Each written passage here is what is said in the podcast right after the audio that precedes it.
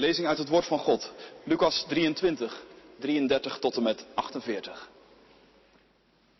Aangekomen bij de plek die de schedelplaats heet, werd hij gekruisigd. Samen met de twee misdadigers. De een rechts van hem, de ander links. Jezus zei, Vader, vergeef hun, want ze weten niet wat ze doen. Soldaten verdeelden zijn kleren onder elkaar door erom te dobbelen. En het volk stond toe te kijken.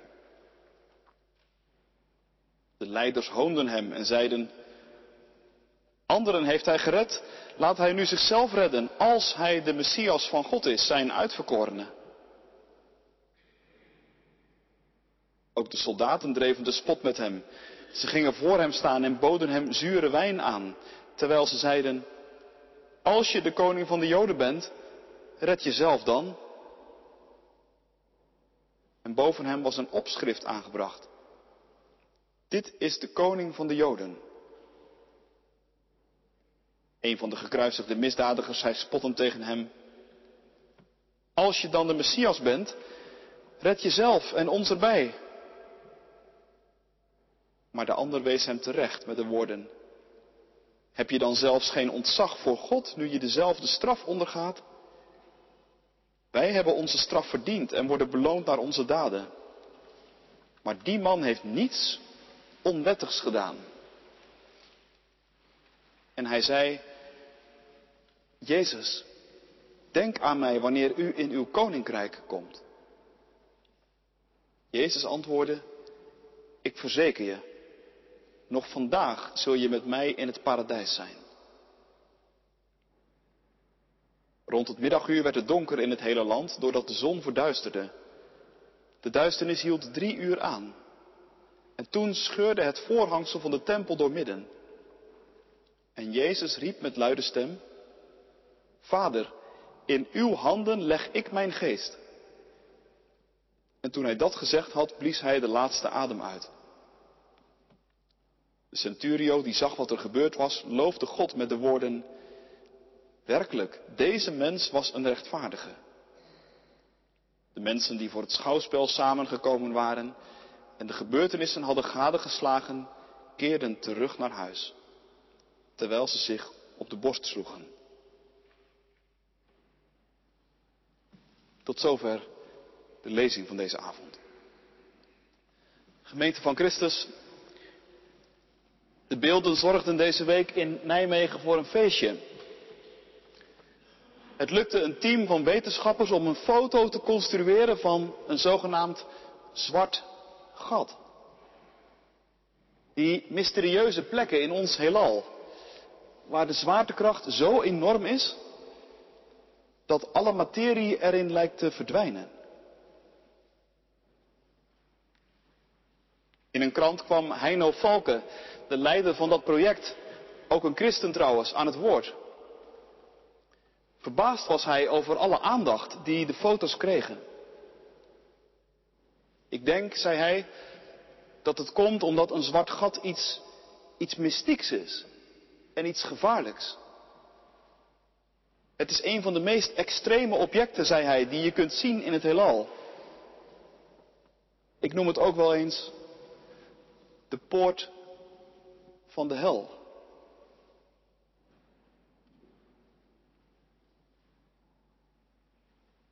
Niet alleen het heelal heeft zo zijn zwarte gaten, dacht ik toen ik het las. Ook onze wereld kent ze. En een van die plekken heet Golgotha. Een plek die je met recht ook de poort van de hel kunt noemen. Een plek die als een zwart gat een kracht in zich heeft om van alles in zich te laten verdwijnen en nooit meer terug te laten keren. Golgotha. Een van de vele plekken waar de Romeinen mensen kruisigden. En kruisigen, moet je weten, dat was meer dan zomaar een doodstraf. De Romeinen verspilden hun energie werkelijk niet aan het kruisigen van winkeldieven. Kruisiging, dat was heel bewust een publieke vertoning. Een publieke vernedering. Bedoeld voor die mensen die het in hun hoofd hadden gehaald om tegen het Romeinse systeem in opstand te komen. Een kruis spreekt duidelijke taal. Hier eindigt iedereen die het bedenkt een ander soort wereld te wensen dan wij Romeinen geschapen hebben. Op Golgotha eindigt alle hoop op iets anders. Alle hoop op een wereld mooier, beter, anders, rechtvaardiger, liefdevoller, barmhartiger. Al die hoop wordt in een zwart gat verzwolgen. Om bij de laatste ademtocht van een gekruisigde nooit meer terug te keren.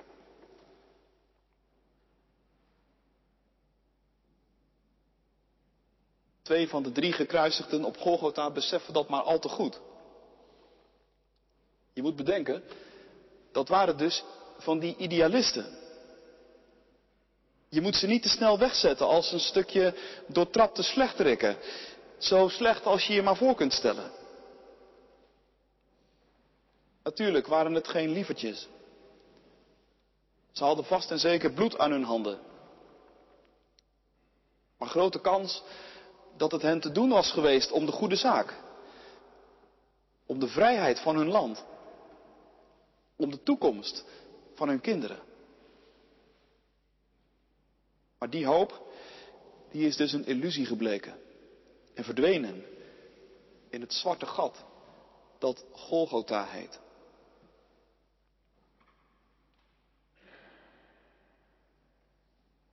Als je nou zelf, net als deze mannen, wel eens een diepe, diepe teleurstelling hebt meegemaakt, dan kun je misschien een beetje invoelen hoe dat is. En wat er dan met je gebeurt. Dat je cynisch wordt, dat ligt wel heel erg voor de hand. En dat is dan ook de toon die je op Golgotha voortdurend hoort. Er klinkt continu uit allerlei monden harde en cynische taal. Het viel me deze week op hoezeer Lucas daar de vinger bij legt. Als klinkt het telkens. Als, als. Als hij de Christus is, de uitverkorene van God, laat hij dan nu zichzelf verlossen. Zo smalen de oversten.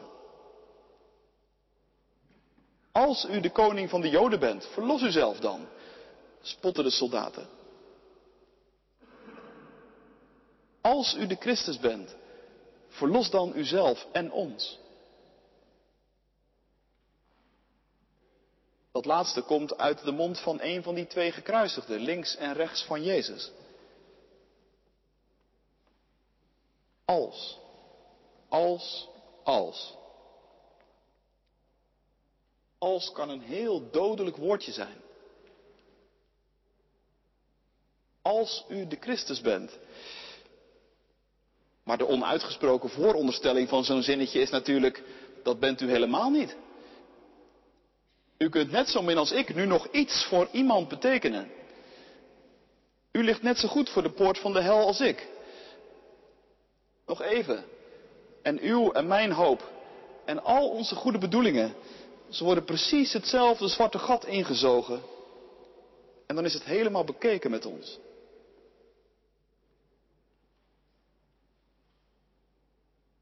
Als.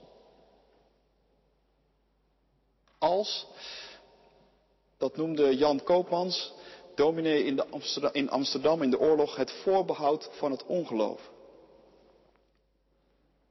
Het woordje als kan je leven en je denken en je voelen helemaal gaan beheersen. Kan zich als een soort spinnenweb rondom je heen gaan wikkelen, totdat je helemaal in de kokon van het als zit. Als. Dat is het woordje dat alle verloren hoop en alle gestorven verlangens samenvat. Misschien zit je hier vanavond en zeg je, dat woord, dat is mijn beste vriend geworden. Maar zeg me alsjeblieft, hoe kom ik uit die duivelskring?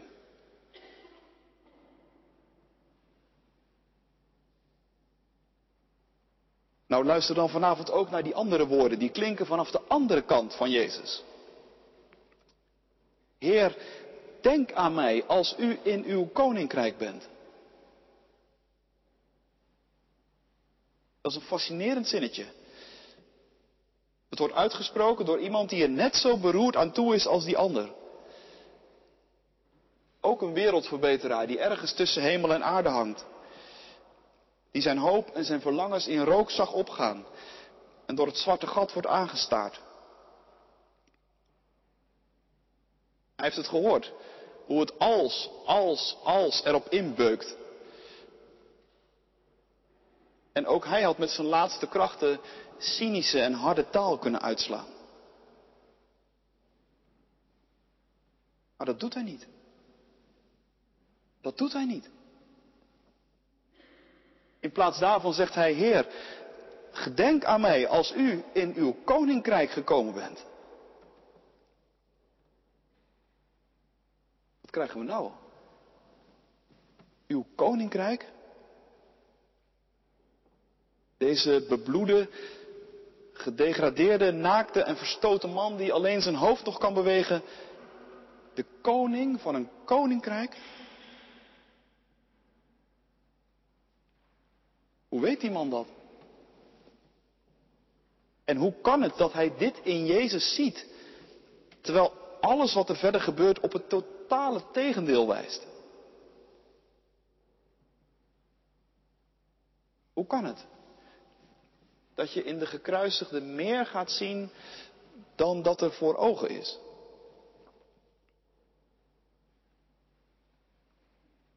Ja, ik denk dat is nou precies het geheim van de gekruisigde zelf. En het feit dat het gebeurt, dat zegt al genoeg. In zijn machteloosheid, hangend voor de poort van de hel, gaat er iets van hem uit dat mensenwoorden en mensengedachten te boven gaat. Er is een kracht om hem heen, een invloed, ik weet niet hoe ik het zeggen moet, die, die van een volstrekt andere orde is. De manier waarop hij leidt, waarop hij zwijgt, de manier waarop hij af en toe iets zegt, dat spreekt een taal waarvan je één ding zeker weet. Die taal is niet van deze wereld. Dit is de taal van een ander koninkrijk. En van dat koninkrijk is de gekruisigde de koning.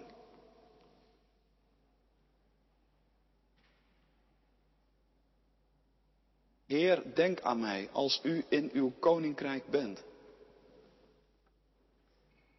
Dat zijn vanavond de woorden die de duivelskring doorbreken. Het als maar, als, als, als en het voorbehoud van het cynisme. Deze woorden maken daar een eind aan, want met deze woorden legt deze man zijn leven en zijn lot in handen van Jezus. In de handen van een machteloze man aan een kruis. Waarvan hij op de een of andere manier wist met deze man is meer aan de hand. En deze woorden openen de poort van de hemel. Want luister naar wat Jezus ten antwoord zegt. Vandaag zul jij met mij in het paradijs zijn. Vandaag nog. Jij en ik. Wij samen.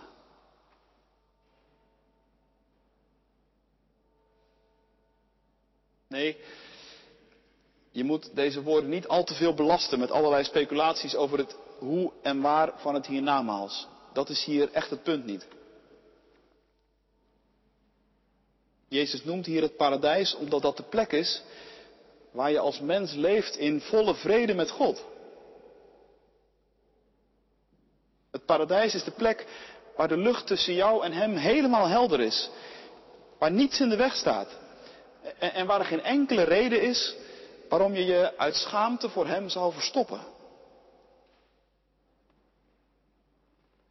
Paradijs is de plek waar je niet meer opgesloten zit in je duivelskringen. Waar het cynisme verdwenen is. Waar je zonden vergeven zijn.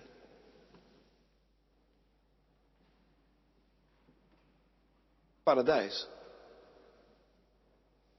Dat is wat we verloren waren. En waar we zo naar verlangen. En waar we alles aan proberen te doen om het te bereiken opnieuw. Of om het zelf te realiseren. En wat ons tegelijk zo ontzettend niet lukt.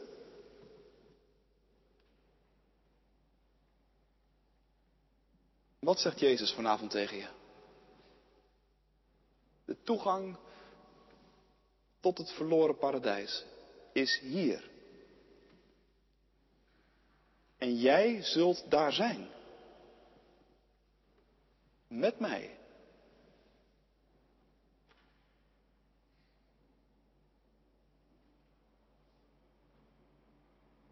Dit is de avond om je daar eindeloos over te verwonderen. Dat Jezus vanavond tegen je zegt, heden, nu, in het paradijs, wij samen. Jij en ik.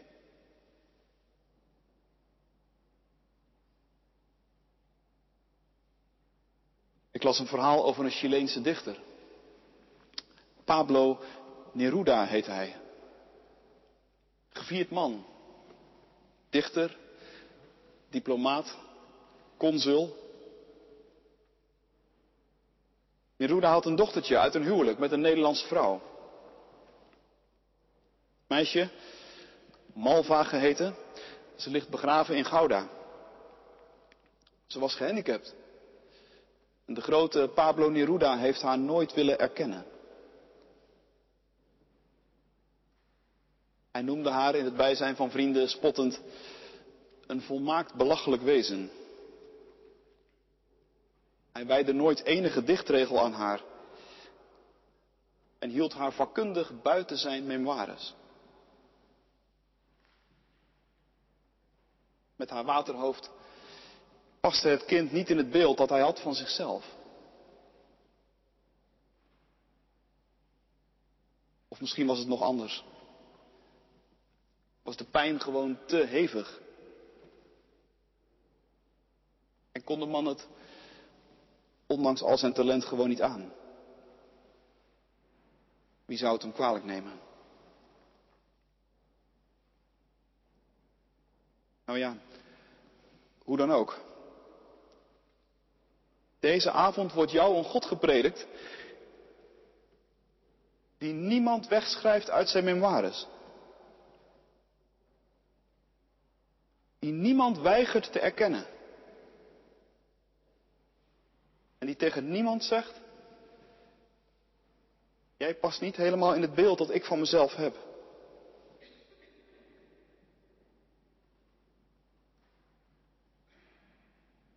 Vanavond wordt je een God verkondigd die zijn tafel dekt. Voor wie hangend tussen hemel en aarde, misschien wel aan het eind van zijn illusies, weet hoe de zwaartekracht van een zwart gat voelt.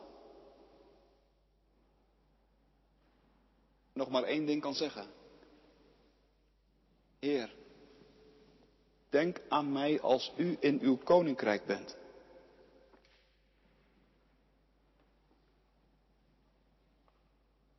En die dan tegen je zegt, je zult niet in het niets verdwijnen. Het zwarte gat is niet de poort naar de hel. Maar het is de deur naar mijn koninkrijk. En daar zul je zijn. Met mij.